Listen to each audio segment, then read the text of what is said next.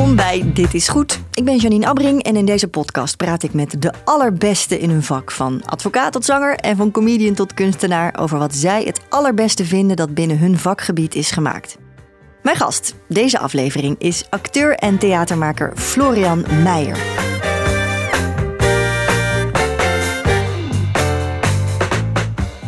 Hij noemt zichzelf een avant-gardistische theatermaker, maar als hoogtepunt kiest hij The Crown. De Netflix-kaskraker over het Britse koningshuis, dat verschillende generaties beslaat, van een piepjonge Elizabeth tot en met de dood van Diana. Alle keuzes die ze maken vind ik heel slim. Van de casting tot hoe het is geschreven. Je merkt, er zitten gewoon hele slimme mensen achter. Zoals Florian zelf zegt, The Crown drukt op al mijn knoppen. Welke knoppen dat zijn, hoor je nu in het gesprek dat ik net met hem had.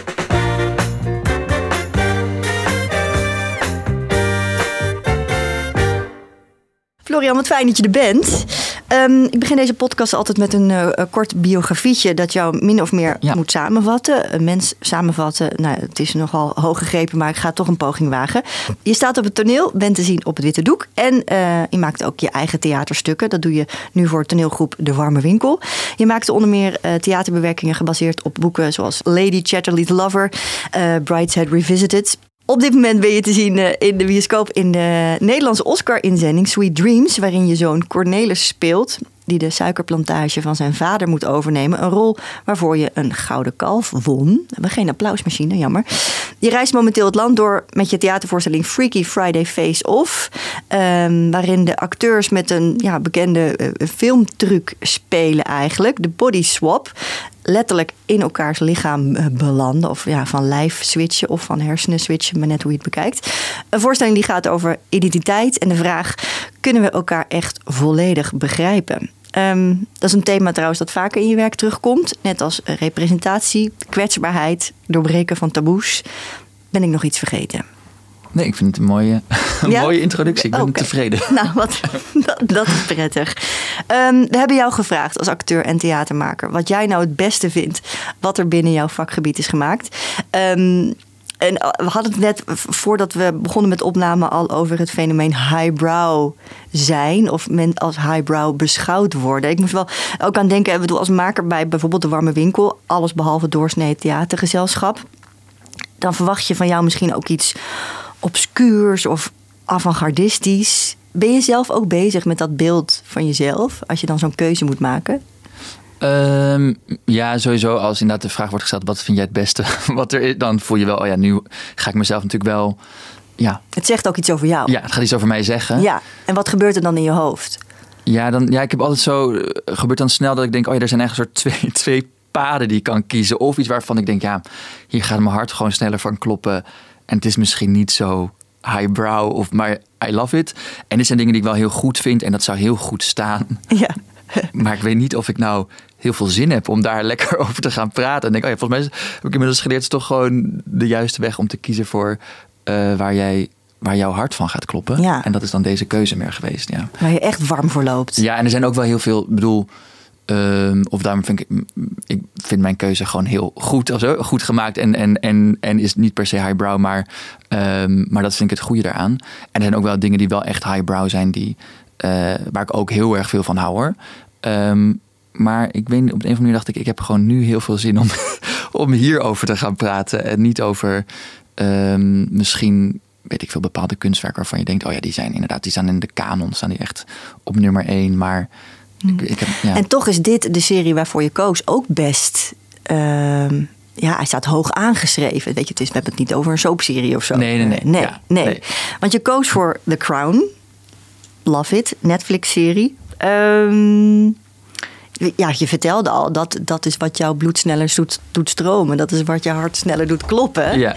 Waarom, even heel globaal gevraagd, waarom is dat zo? Als jij aan die serie denkt, dat je denkt, ja, Nou, ik denk dat er sowieso, waarom het wel op veel van mijn knoppen drukt, is ik heb al sinds dat ik heel klein ben een hele grote fetish voor het Koningshuis. Mhm. Dat is echt zo sinds ik uh, zes ben of zo. Dus ik las dan altijd de vorsten en de royalty. En ik schreef brieven aan, aan de koningin. En, aan, en uh, toen Willem-Alexander Maxima ging trouwen, was ik negen. Toen heb ik ook een brief geschreven of ik bruidsjonker mocht zijn. En dat mocht dan niet. En, uh, dus het zijn, het zijn altijd, de Koningshuis is voor mij altijd wel zo een... Um, een pleasure. En toen werd het een guilty pleasure. En inmiddels is het weer gewoon een pleasure. En het is, uh, dus dat is wel echt een soort ook een, zeg, een safe place. Ik denk, oh, ik kan hier, je hebt ook een website, modekoninginmaxima.nl, waar alle outfits van Maxima worden bijgehouden als uh, dagelijks. Dus van, ze was nu hier en ze heeft deze jurk aan. Die had ze ook aan toen, weet ik veel, op dat staatsbezoek in Brunei. Lala. Nou, mm -hmm. daar kijk ik ook altijd op. Dat vind ik allemaal heerlijk. Dus het was sowieso qua uh, onderwerp natuurlijk. Royalty, nou, I love it.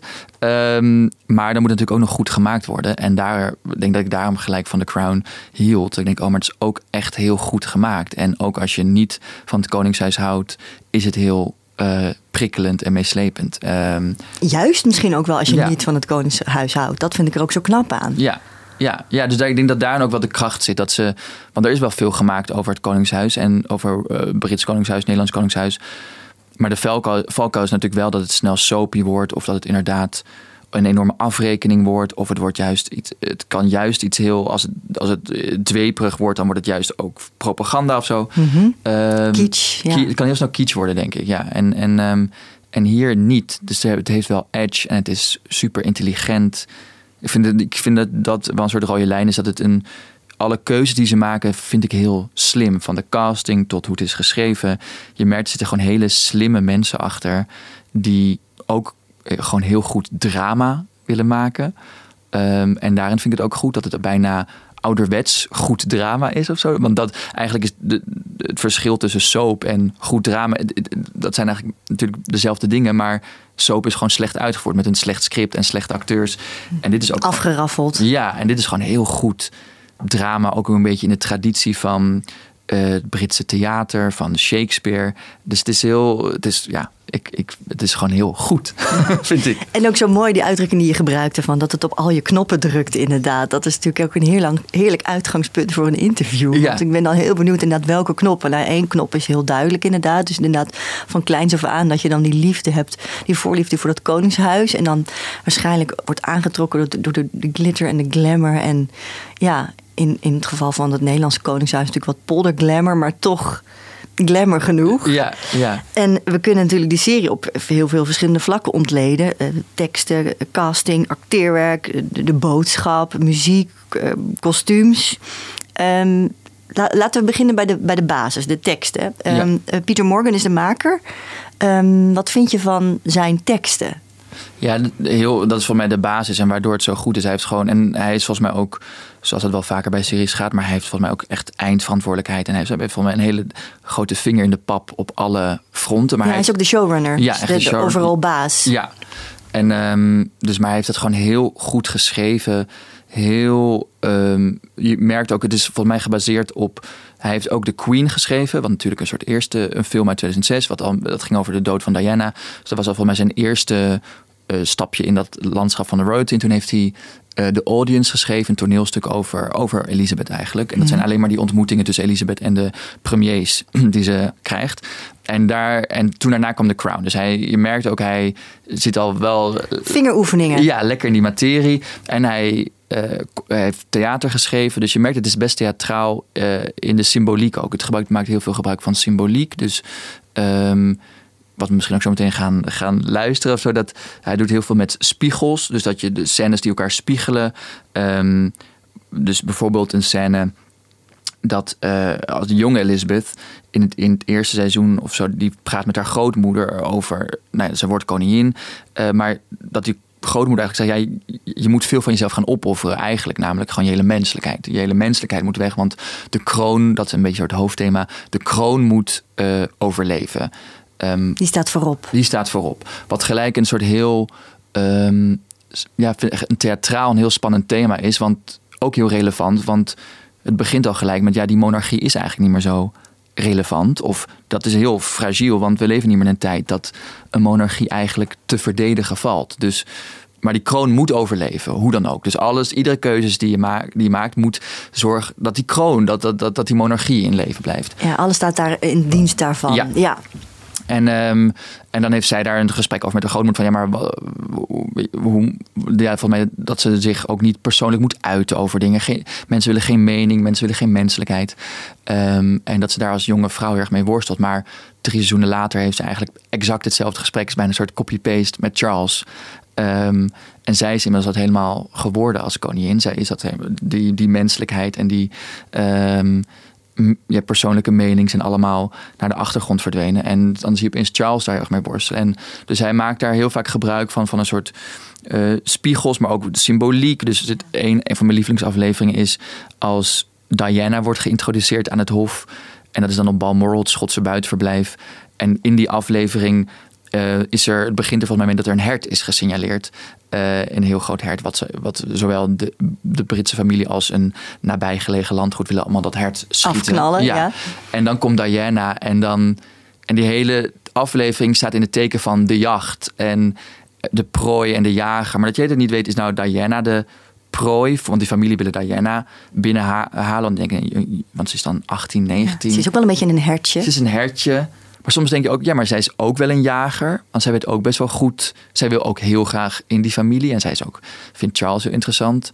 Ehm, en op een gegeven moment, het eindigt ook ergens al met de pers. Dat je denkt, ja, of zijn, is de pers de jager? Ja, Ehm, en dat, die dat, gelaagdheid. ja, en dat maakt het heel theatraal dus en heel... ehm, daardoor, ja, ik heb dus... Het zijn nu vijf seizoenen. Ik heb ze allemaal denk ik wel dus drie keer gezien. Serieus? En, ehm, en, daar, en dat, daardoor kan ik er naar blijven kijken. Ja. Ja. Ja, want even inderdaad voor mensen die het fenomeen kennen, veel mensen neem ik aan wel, weet je, de serie The Crown hebben ervan gehoord. Maar het, het, het beslaat inderdaad een aantal generaties. Het begint inderdaad bij Elizabeth als jonge vrouw en zo Ja. ga je dan ja, gedurende die seizoenen die, die generaties eh, eh, door. Ehm, even nog terug hè, naar, die, naar die basis van die teksten. Zijn er, ehm, los van dat spiegelen wat je net Hmm. vertelde, inderdaad, en, en, en, en callbacks, tenminste in de comedy noemen we dat callbacks, dat je terugkomt op iets inderdaad en dat je als kijker weet, oh ja, wacht eens even, dit is een soort echo van wat we eerder al hoorden. Zijn er andere specifieke technieken die die toepast, die ik bijvoorbeeld als leek niet meteen herken? Ehm, nou, ik denk, nee, ik denk dat wel veel mensen het herkennen. Maar ik denk bijvoorbeeld wat, wat ik ook heel mooi vind, is dat eh, die afleveringen kan je echt ook op, op zichzelf kijken. Dus eh daar misschien dat ik daarom ze ook zo vaak heb gezien. Dat ik denk, oh, ik ga nu even deze aflevering kijken. Ehm, en daarin, ja, dus het, het is niet een soort cliché-serie dat je denkt, ja, ik moet gewoon doorbeuken, doorkijken, want er is gewoon één plot wat afgemaakt moet worden en wat is nou de cliffhanger. Dus Binnen elke aflevering is een spanningsboog. Die, ja, en de- binnen deze aflevering wordt even gefocust op Margaret, op de zus van de koningin. En dan gaan we bij deze aflevering gaan we naar eh, focussen op dit personage. En dan komen er opeens, eh, ja, voor één aflevering kan er opeens een personage helemaal eh, in de center of attention staan. En dan verdwij ook weer verdwijnen. Ehm, en dat vind ik dus ook heel goed. En het is gewoon, ik heb nu ook weer teruggekeken, zo, die, de scènes zijn gewoon eigenlijk perfecte toneeldialogen. Dus het is zo, eh, ook de scènes zijn, worden op een goede manier afgerond of wel niet afgerond. Eh, het is nooit heel expliciet. Waar natuurlijk heel erg op de loer ligt dat dingen heel erg worden uitgelegd. Van, of de verhoudingen heel erg worden uitgelegd. Of dat mensen hun binnenwereld gaan vertellen. Maar en pas bij het Britse, dat doen zij natuurlijk allemaal niet. Dat deur kunnen zij ook niet. Eh, maar er zit altijd heel veel spanning. Eh, dus, dus op dialoogniveau, op personageniveau is het eigenlijk ook gewoon, ja, in die zin ook echt toneel. Laten we even gaan eh, eh, kijken en voor de luisteraar luisteren naar eh, een van die scènes, of in ieder geval naar een scène. Je hebt er een aantal genoemd. En dit is ook een goed voorbeeld van ehm, ja, vooral die spanning, denk ik, tussen twee personages. Misschien kun je heel even kort vertellen wat we gaan horen. Ja, we gaan dus kijken naar eh, de, dus, dus de eerste aflevering, de oude koning. Dus Elisabeth is nog niet koningin, dus het is haar vader. Ehm, en hij weet, ja, dus, dus eigenlijk is het al gewoon helemaal heerlijk. eh, Shakespeareaans drama. Hij weet, die, de koning weet dat hij gaat sterven. Hij is, hij is heel erg ziek. Ehm, en hij weet dus dat zijn dochter binnenkort, en zijn dochter is jong koningin gaat worden. En zijn dochter is eh, getrouwd met Philip. En hij ziet dat die Philip eigenlijk heel erg al nu al worstelt met zijn rol. Namelijk dat hij, hij, hij moet ergens onderdanig gaan zijn aan Ja. zijn vrouw. Inderdaad, op de achtergrond. Ja, En hij ziet, Functioneren. En hij ziet al gebeuren dat die Philip dat niet gaat trekken of moeilijk vindt. Ja. En dan ehm, zegt hij op een ochtend, laten we even samen gaan eh, jagen. Ja, en ze zitten, ehm, even voor de luisteraar die er geen beeld bij heeft, dus in, eh, in roeibootjes. Het is grijs, Ja. grauw. Ja, You understand the titles, the dukedom. They're not the job. Sir. She is the job. She is the essence of your duty. Loving her, protecting her.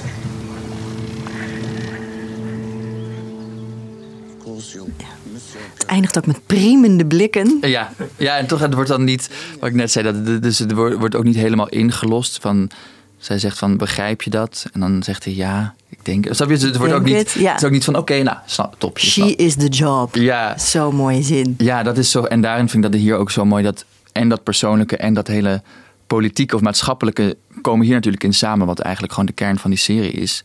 Wat ook het hele dilemma van die familie is. Dat valt natuurlijk de hele tijd samen. Dus hij is getrouwd met haar.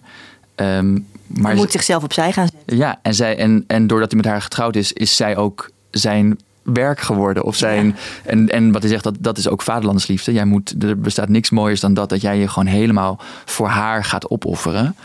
Ja, dat is gewoon een soort groter drama dan dat wordt het eigenlijk niet. En dat ja, vind ik heerlijk, ja.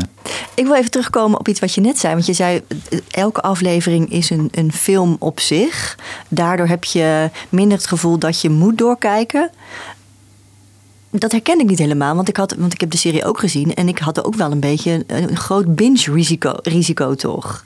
Ja, ik denk dat het, het, het klopt ook niet helemaal. In de zin van, er is, er is natuurlijk ook een soort groter narratief... wat wel wordt in zo'n seizoen wordt... eh, Het eindigt niet met cliffhangers, is misschien ook wat je dan bedoelt. Of, Ja, ze kunnen soms wel gewoon even heel. Bijvoorbeeld in seizoen 1 is er gewoon één aflevering. Dan ben je opeens gewoon helemaal alleen maar bij de Queen Mother. eh, bij de moeder van Elisabeth. En dat is opeens gewoon een soort, bijna een soort vreemdkörper.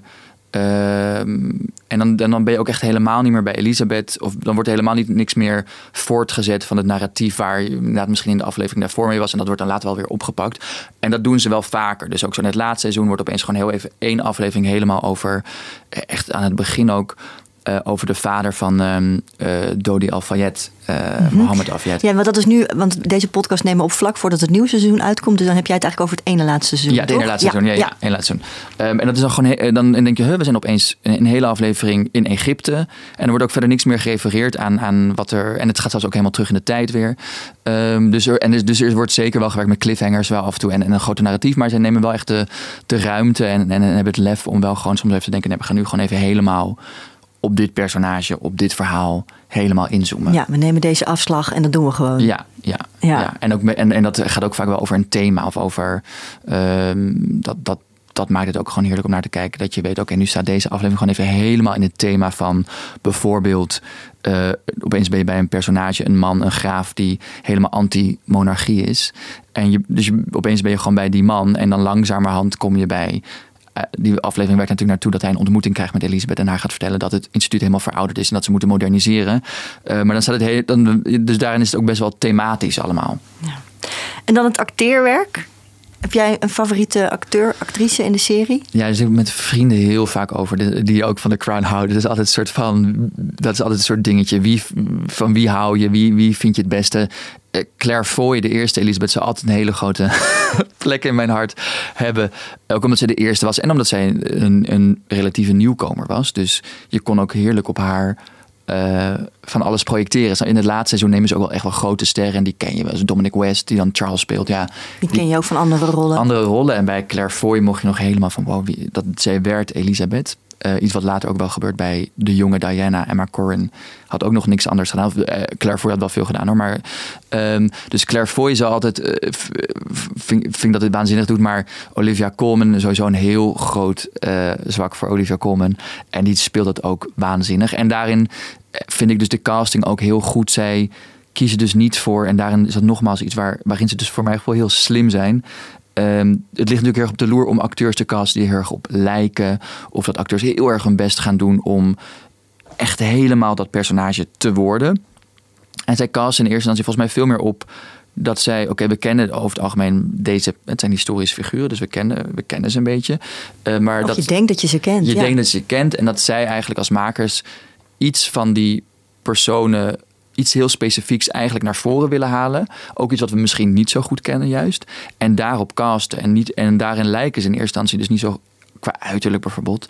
Niet per se op hun uh, op, de, op de echte personen die hebben bestaan. Mm -hmm. het is geen platte typecasting. Nee, en daarom vond ik het heel slim. Bijvoorbeeld bij Elizabeth was volgens mij hebben gedaan. Kijk, zij heeft natuurlijk wel iets van zeker hoe. Ik, ik ben, uh, toen ik ja, groot op, opgroeide, was zij natuurlijk zeker een vrouw van in de zeventig zo. En altijd heel. Ja. Um, stijve oma. Stijve oma. En weinig emotie. En zeker rond de dood van Diana. Um, maar dat ze wel actrices hebben gecast die van nature een soort warmte hebben. Uh, Claire Foy heeft een natuurlijke warmte. Olivia Colman heeft een soort, vind ik, een natuurlijke warmte. De Imelda Staunton ook. En dan kan je daar. Uh, dan, dan, kan je het afpellen. Ja, en dan, en dan resoneert dat alsnog door. Dan kan je, kan je die, die scènes zo afstand. Want je kan er niet omheen dat zij dingen heeft gedaan die. Uh, ja, ogenschijnlijk koud zijn. Maar dan resoneert die warmte van die acteurs daar nog wel doorheen of zo. En dat hebben ze volgens mij met meerdere personages gedaan. Ja. Um, we kunnen nog een scène kijken. Um, een fragment met Olivia Colman. Zij speelt Elizabeth in, in, in een specifieke generatie. En ze zit tegenover Prime Minister Harold Wilson. When my grandmother, Queen Mary, whom I loved very much, when she died, nothing. Well, she'd been ill a long time. It had been expected. When I had my first child, a moment of such significance for every mother. I have known for some time there is something wrong with me. Not wrong. Deficient, then. How else would you describe it when something is missing? Wat, um, wat, wat zie jij Olivia Colman hier doen?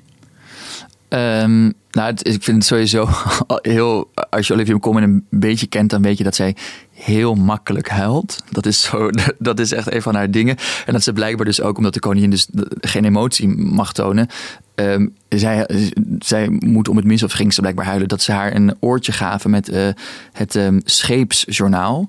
Als een emotionele scène was. Zodat ze, dat ze daarnaar luisterde in plaats van naar de medespelers, omdat ze anders geëmotioneerd raakte.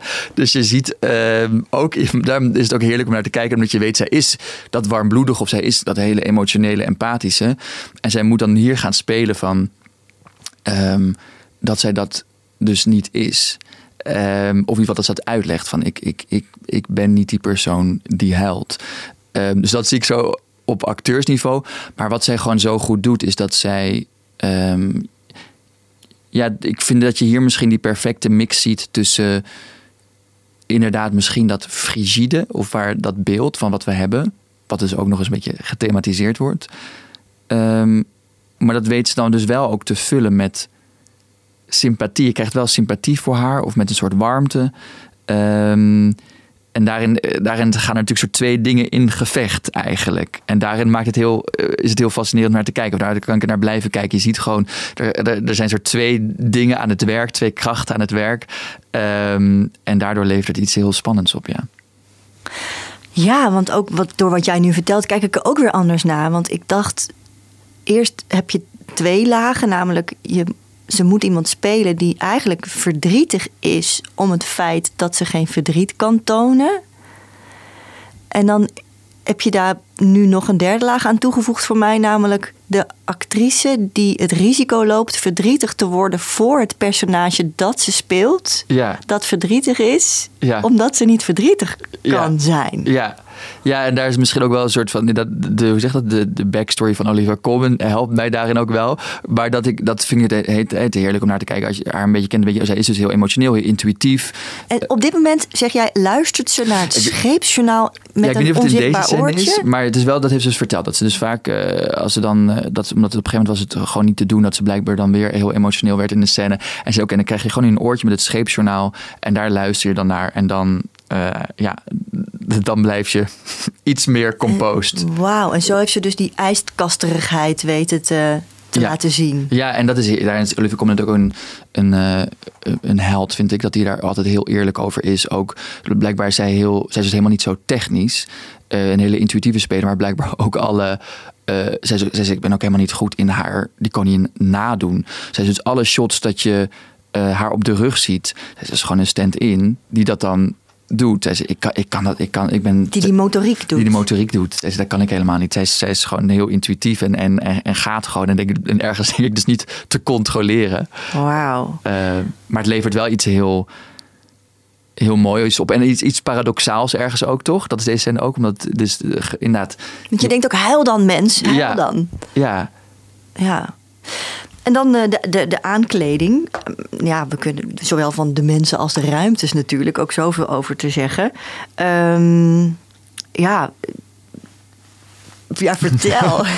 nou, wat ik ook heel goed vind, en daar waar we het eerder over hadden, wat er allemaal op de loer ligt, wat de valkuilen zijn bij kostuumdrama of bij eh, over royalty, dat je het inderdaad helemaal, eh, helemaal eh, uit de bocht vliegt en een soort de Sisi eh, hoek ingaat. Het is allemaal kroonluchters en goud en, en rood en fluweel, brokaat en ehm, en zij doen het eigenlijk heel slim dat zij eh, sowieso dat eh, de, Engelse koninklijke familie heeft allemaal verschillende ver- verblijven. Ieder verblijf staat ook symbool voor iets anders. Eh, maar bijvoorbeeld Buckingham Palace, waar, waar zij dan woont, is heel kaal. In ieder geval hun, hun persoonlijke privévertrekken. Heel kaal, heel sober, sober. ja. Heel sober, heel, alles ook een beetje afgebladderd. En, ehm, en dat is ook heel slim dat ze daar ook een keuze maken van ja, dat, dat staat ook symbool misschien voor een plek die niet helemaal. Zij worden ook in dat, of zij wordt in die functie natuurlijk ja, door geboorte gedwongen. En zij wordt ook een soort van gedwongen om dan in Buckingham Palace te gaan wonen. En dat is nooit een, een warm huis, een soort gevangenis nee, ergens. het is geen knusnestje. Nee. En dan zijn andere huizen, bijvoorbeeld volgens mij Schotland is veel meer voor hun een, een plek waar ze kan terugtrekken. Of Sandringham, waar ze kerst vieren, is een huis van warmte. En ehm, dus daar eh, maken ze ook hele slimme keuzes. En is het ook niet dat ze alleen maar, want je kan natuurlijk ook dan ook weer de andere kant op schieten. Dat je alles heel, snap je, alleen maar heel sober en koud doet. Dus ze kiezen ook nog wel voor mooie, mooie locaties. En, en, en, eh, en, en voor mij allemaal heel goed geadviseerd van oké, klopt het met wat we weten over hoe die vertrekken eruit zien. Ehm, maar daarin is het allemaal heel doordacht. Ja, ja. Ja, dat over de gebouwen en de ruimtes en de kleding. ook voor mij heel eh, goed. Zeg maar, van alles is ook, ja, het geld spat er ook vanaf. Het is allemaal op maat gemaakt volgens mij. Dat hebben ze ook verteld. Dus alles, niks wordt gekocht, alles wordt gemaakt op maat. Ehm, natuurlijk per tijdsperiode, maar wel eh, daarin ook theatraal. Voor mij, ze hebben na het tweede seizoen een nieuwe kostuumontwerper in dienst genomen. En daar las ik een interview mee. En die zei, ik beschouw het wel echt als een opera. Dus het zijn allemaal personages met een hele duidelijke identiteit. En zij zijn soms ga ik dan daarin misschien nog iets verder. Dus Margaret, de zus van Elizabeth, die heel... eh, extravagant is, maar ook heel eenzaam. Dus dat heb ik ook nog meer aangezet in eh, wat voor soort kleding die dan draagt. Dan moet ik een soort tragiek van afstralen. Dus daarin gaat, durven ze ook wel een bepaalde eh, theatraliteit op te zoeken. Ja. Je hebt er ook heel veel over gelezen. Ja, het- ja. Doe je dat vaker? Dus als je dus dan iets zo... dat je merkt dat het bij jou eh, bepaalde knoppen indrukt, Ja. zoals je zelf zei... wil je dan ook alles erover lezen? Ja, ik vind dat heerlijk. Ja, ja. En, ehm, en dingen opzoeken. Dus ik ben echt zo voor de sets ben ik echt zo gaan zoeken van... Oké, maar hoe... Want je ziet dan eh, bepaalde dingen op de locatie van maar van die privévertrek is allemaal studiowerk. Maar hoe zag dat er dan uit? En op een gegeven moment heb ik zelfs een plaatje gevonden van de maquette. Van hoe het dan gedaan is van... eh, oh ja, dan is dat het privévertrek. En dan is dat de, de, de, de eetkamer. Dat is in de slaapkamer. En dan zit dan daar het Hoe trapje. verhoudt het zich tot elkaar? Ja, dan word, kan ik daar wel een beetje eh, obsessief. Maar dat vind ja, is voor mij gewoon een soort. en ik vind dat ook als maker dan interessant hoor. Dus ik. Ja, het inspireert mij ook wel echt. Ja. honderden uren naar The Crown gekeken. Dus alles erover gelezen wat los en vast zit. Heb je er voor jezelf iets uit gehaald of van geleerd? Of iets wat je toepast nu ook misschien? ja, kijk, wat ik maak is natuurlijk wel heel anders dan The Crown. Sowieso qua medium, maar ook nog eens qua ja, wat ik maak. Dus heb je ook uh, als ik een televisieserie zou maken, wat ik heel graag ooit nog zou willen doen, ik weet niet of het dan The Crown zou worden. Wel uh, qua misschien, ik hou uh, altijd een grote liefde voor het historische. Um, en wel, ik denk, ik heb er wel veel over geleerd qua, um, nou ja, waar we, waar we het eerder over hadden, dat dat persoonlijke drama zo, wat in die scène eigenlijk zit tussen Philip en de oude koning over She's Your Job. Ja, daar ja, die kan die. Ik heb denk ik ook die aflevering ook nog. Die, die aflevering heb ik sowieso tien keer gezien. Dat zo persoonlijk drama of zo slim in de markt gezet of in de. Snap je dat? En daar leer ik als theatermaker ook wel veel van. Ik werk vaak vanuit eh, persoonlijke verhalen en wel gekoppeld vaak aan een, een literaire bron. Maar hoe krijg je het moet wel, ja, theater gaat wel over drama vaak. En dat kan gekoppeld zijn aan, aan, aan dat het heel luchtig is of heel grappig is. Maar in de kern werk ik wel, denk ik, vaak vanuit een bepaalde pijn. En hoe zet je die pijn dan in zonder dat het pathetisch wordt, zonder dat het soap wordt. Zonder dat het, en dat vind ik daar heel goed gedaan. Dan denk oh daar koppelen ze dat aan het maatschappelijk. Of daar wordt, er, wordt het gewoon zo slim in de verf gezet. En ik denk dat ik daar wel veel van heb geleerd. Onbewust, denk ik. Ja. En als acteur denk ik, ik denk, zit een beetje Claire Foy en een beetje Olivia Colman zit, of Emma Corrin zit wel in, in mij inmiddels. Ja. Ben je ook een makkelijke janker? Ehm, ja, niet zoals Olivia Colman, maar ja. ja, maar je hoeft nog geen scheepsberichten nee, op je oor. Nee, daar zit ik nog niet. Nee, nee, nee, ja. Gelukkig.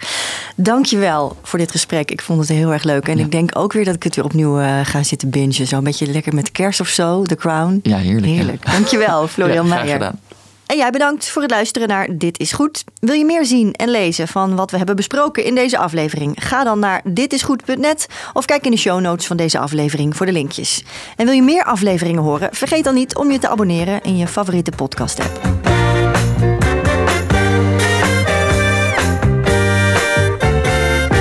Dit is Goed is een podcast van Byline. Concept, productie en redactie Anton van Elburg en Remco Thomussen. En wil je meer zien? Ga dan naar ditisgoed.net.